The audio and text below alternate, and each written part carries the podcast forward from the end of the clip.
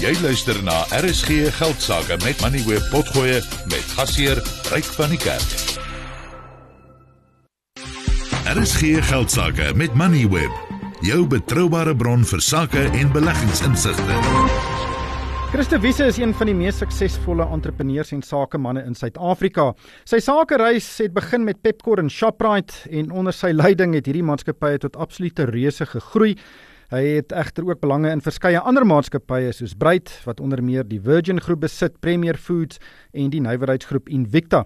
Hy was natuurlik ook 'n wesenlike aandeelhouer in Steinhoff, maar ons het al baie daaroor gepraat. Hy het egter nou weer laat blyk dat hy sy vlerke verder in die diamantbedryf wil sprei. Nou hy's nie nuut tot hierdie bedryf nie. Hy het reeds in die 1970s 'n diamantbesigheid gekoop wat diamante in die Oranje rivier gemyn het, maar hy het dit kort daarna weer verkoop.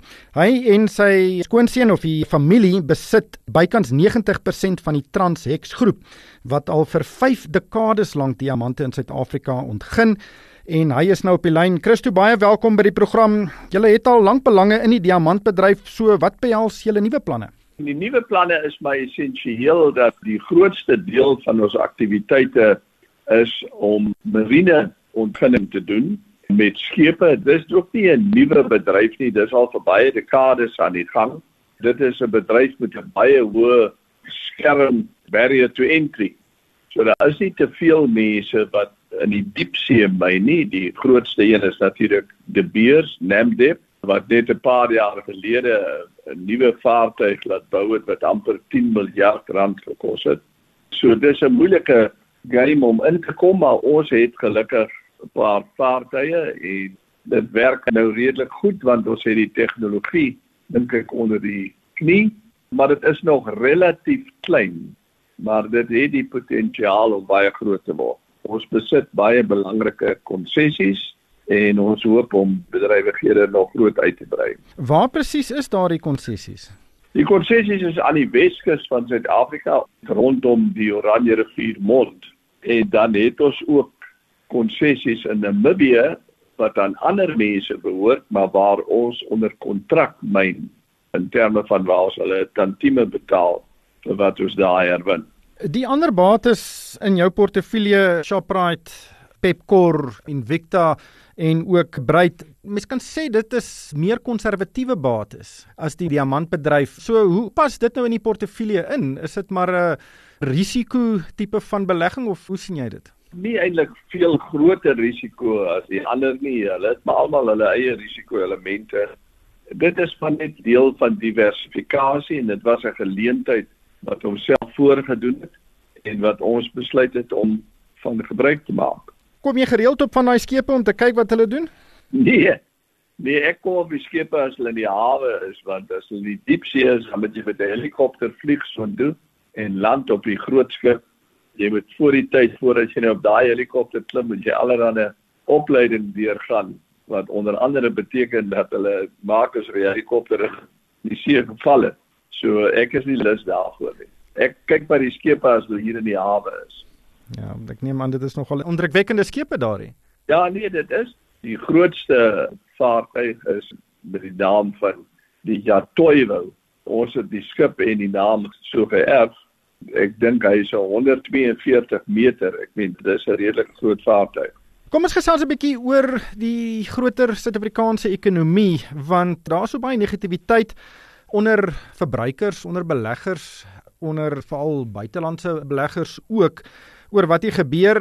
Pepkor en Shoprite byvoorbeeld presteer op die oomblik regtig baie beter as wat 'n mens sou verwag in hierdie ekonomie en dis amper 'n tipe van anomalie. Hoe sien jy tans die sakeomgewing hier in Suid-Afrika? Wel, ek hoef nou seker nie vir jou te herhaal al die klagtes en die besware oor hoe dit met ons gaan nie. Ek dink mense is baie keer te mismoedig en te negatief, maar dit verander nie die dare werklikheid dat Suid-Afrika behoort 10 maal beter te doen as wat hy tans doen. As ons net die regte goed doen, regte beleid het, die regte mense in die regte plekke het, dan kan Suid-Afrika se ekonomie een van die sterre wees in die wêreld. Ons het alles in ons kuns behalwe goeie bestuur. Daardie siening dink ek geld nou al vir dekades. Ek dink Jan Smit het nou gesê dit gaan nooit so goed in Suid-Afrika as wat dit kan nie, maar dit gaan ook nooit so sleg as wat mense dink nie. En dit is seker ook nou maar 'n ding wat waar is in vandag se konteks ook. sien jy dat dinge kan verander? O ja, baie beslis. Ryk in gronde daal dat wie van ons sou in die mid 80s wel toe was daar al van ons wat begin dink dat dinge hier kan dramaties verander. Maar baie min mense sou daarop geld gewet het. En kyk wat het gebeur. Nou ek dink jy moet maar stadig wees om Suid-Afrika af te skryf. Ons is 'n nasie is ons nogal redelik veerkragtig.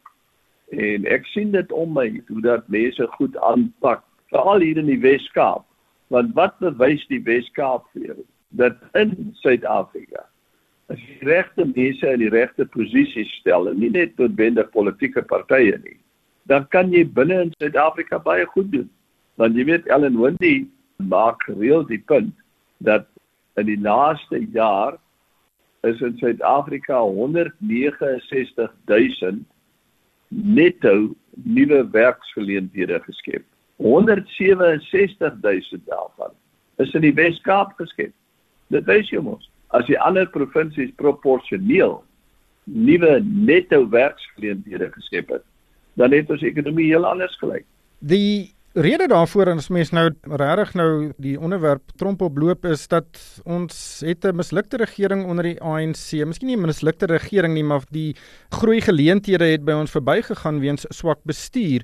Nou baie mense kyk na die verkiesing as miskien 'n groot stap om 'n nuwe regering te kry waar daar meer verteenwoordiging is van ander partye. Wat dink jy kan met die verkiesing gebeur, miskien in die konteks dat daar dan beter mense in belangrike posisies kom? Wel kyk, dit moet uiteindelik ons redding wees. Ryk as dit nie gebeur nie, dan loop ons die gevaar om 'n mislukte staat te word. As ons nie die regte mense in die belangrike posisies kry nie. Dis mos voor die hand liggend. Maar my eie lesing is ek wil 'n profeet wees oor verkiesingsuitslae nie dis 'n max game maar my eie lesing is dat daar is 'n grondverskywing aan die gang. Jy weet as jy kyk hoe dat hoeveel mense nie stem nie. Dit beteken hulle is ontgoochel deur die stelsel.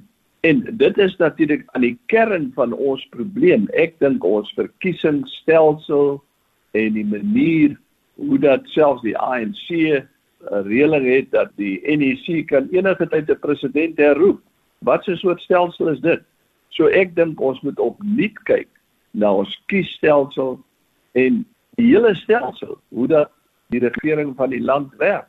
Een van die tendense van die afgelope dekade byvoorbeeld is dat die private sektor raak al hoe meer betrokke by die funksies wat die staat moet vervul. Ons sien dit nou in die elektrisiteitsbedryf, elektrisiteitsopwekking word in 'n groot mate geprivatiseer. Ons gaan ook private operateurs sien wat hawens namens Transnet bestuur en ook treindienste op Transnet se infrastruktuur lewer. Ons sien ook in baie munisipaliteite verrig private sektor maatskappye sekere dienste en dit vloei alles uit die mislukking van die regering. So van hierdie verandering is basies gedwonge. Meeste mense wat neoliberaal is in hulle ekonomiese perspektief sal sê dit is 'n baie baie goeie ding en hopelik kan dit hierdie tipe van betrokkenheid al hoe groter word en selfs versnel. Wat is jou siening daaroor dat die privaat sektor die regering se werk begin doen? Ek dink ons moet op ons knieë gaan daarvoor. Ryk, ons moet bitter dankbaar wees dat daar 'n privaat sektor is wat die kapasiteit het om hierdie goed te doen. Daar's baie lande waar die regering ook onbeholpe is, maar waar daar bloot eenvoudig nie 'n privaat sektor met die nodige kapasiteit is nie. Jy praat van waar daar 'n swak regering is. Maar ek het jare gelede gelees dat die Office of Budget Management in die FSA het 'n studie gedoen dat daar nie 'n enkele taak is, nie 'n enkele funksie in die FSA is wat deur die regering vervul word wat nie 30% goedkoper deur die private sektor gedoen kan word nie. Dis net 'n feit. Iets wat ek nou onlangs van kennis geneem het was die nuwe president van Argentinië se toespraak by die World Economic Forum in Switserland waar hy 'n fantastiese uiteensetting gegee het hoe dat die vrye markstelsel die wêreld die afgelope 200 250 300 jaar verander het.